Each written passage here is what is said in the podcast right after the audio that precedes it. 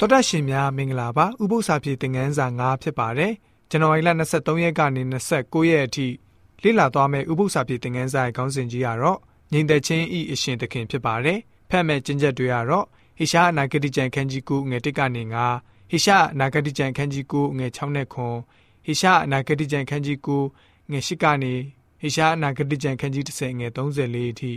ဟေရှာအနာဂတိကျမ်းခန်းကြီး7 ဟေရှာအနာဂတိကျမ်းခန်းကြီး7ငွေ1ကနေ6တို့ဖြစ်ပါတယ်။အဓိကကျမ်းချက်ကိုတော့ဟေရှာအနာဂတိကျမ်းခန်းကြီး9ငွေ6မှာတွေ့နိုင်ပါတယ်။အကြောင်းမူကားငါတို့အဖို့သူငယ်ကိုဖွားမြင်၏ငါတို့အားသားကိုတနာတော်မူ၏ထိုသူသည်အုပ်ဆိုးခြင်းအာနာဇက်ရှိလိမ့်မည်။နာမတော်ကအံ့ဩဖွယ်တိုင်ပင်ဘက်တကူကြီးသောဘုရားသခင်ထာဝရအပ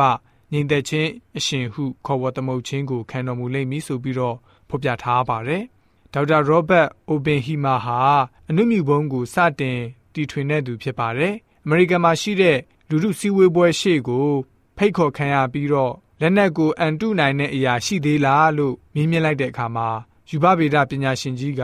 ရှိတယ်လို့ပြန်ဖြေပြီးတော့အဲ့ဒါကတော့ဆိုပြီးတော့ပြိသက်ကိုကြည့်ပြီးငိမ့်ချမ်းရေးပါပဲဆိုပြီးတော့ဖြေခဲ့တာတွေ့ရပါတယ်။ အဲ့ဒီအကြောင်းအရာကိုပေါ်လီတန်ကနေစူးစီးမှတ်သားထားပါတယ်လူသားမျိုးဆက်အဆက်ဆက်မှာငြိမ်းချမ်းရေးကိုတန်တမျှော်လင့်ခဲ့ကြပါတယ်။ကမ္ဘာမှတ်တမ်းအရငြိမ်းချမ်းရေးကိုပြုလုပ်ခဲ့တဲ့အတိုင်းအတာမှာရှေ့ရာဂိုင်လုံးလောက်သာငြိမ်းချမ်းရေးဖော်ဆောင်မှုကိုအောင်မြင်ခဲ့ကြပြီးတော့အ ਨੇ ဆုံးအကြိမ်8000သောဂတိစာချုပ်ဟာဖျက်သိမ်းခဲ့ရပါတယ်။ချိုးဖောက်သွားကြတာတွေ့ရပါတယ်။ပထမကမ္ဘာစစ်ကြီးပြီးဆုံးပြီးတော့ရာစုနှစ်ထက်ဝက်အတွင်းမှာ စစ်ပွဲအလုံးရက်စဲသွားဖို့ကြိုးစားခဲ့ကြပါတယ်။သို့တော့ငြိမ်းချမ်းရေးပြုလုပ်ခဲ့တဲ့စစ်ပွဲတိုင်းဟာ2မိနစ်ပဲငြိမ်းချမ်းခွင့်ရခဲ့ပါတယ်1895ခုနှစ်မှာ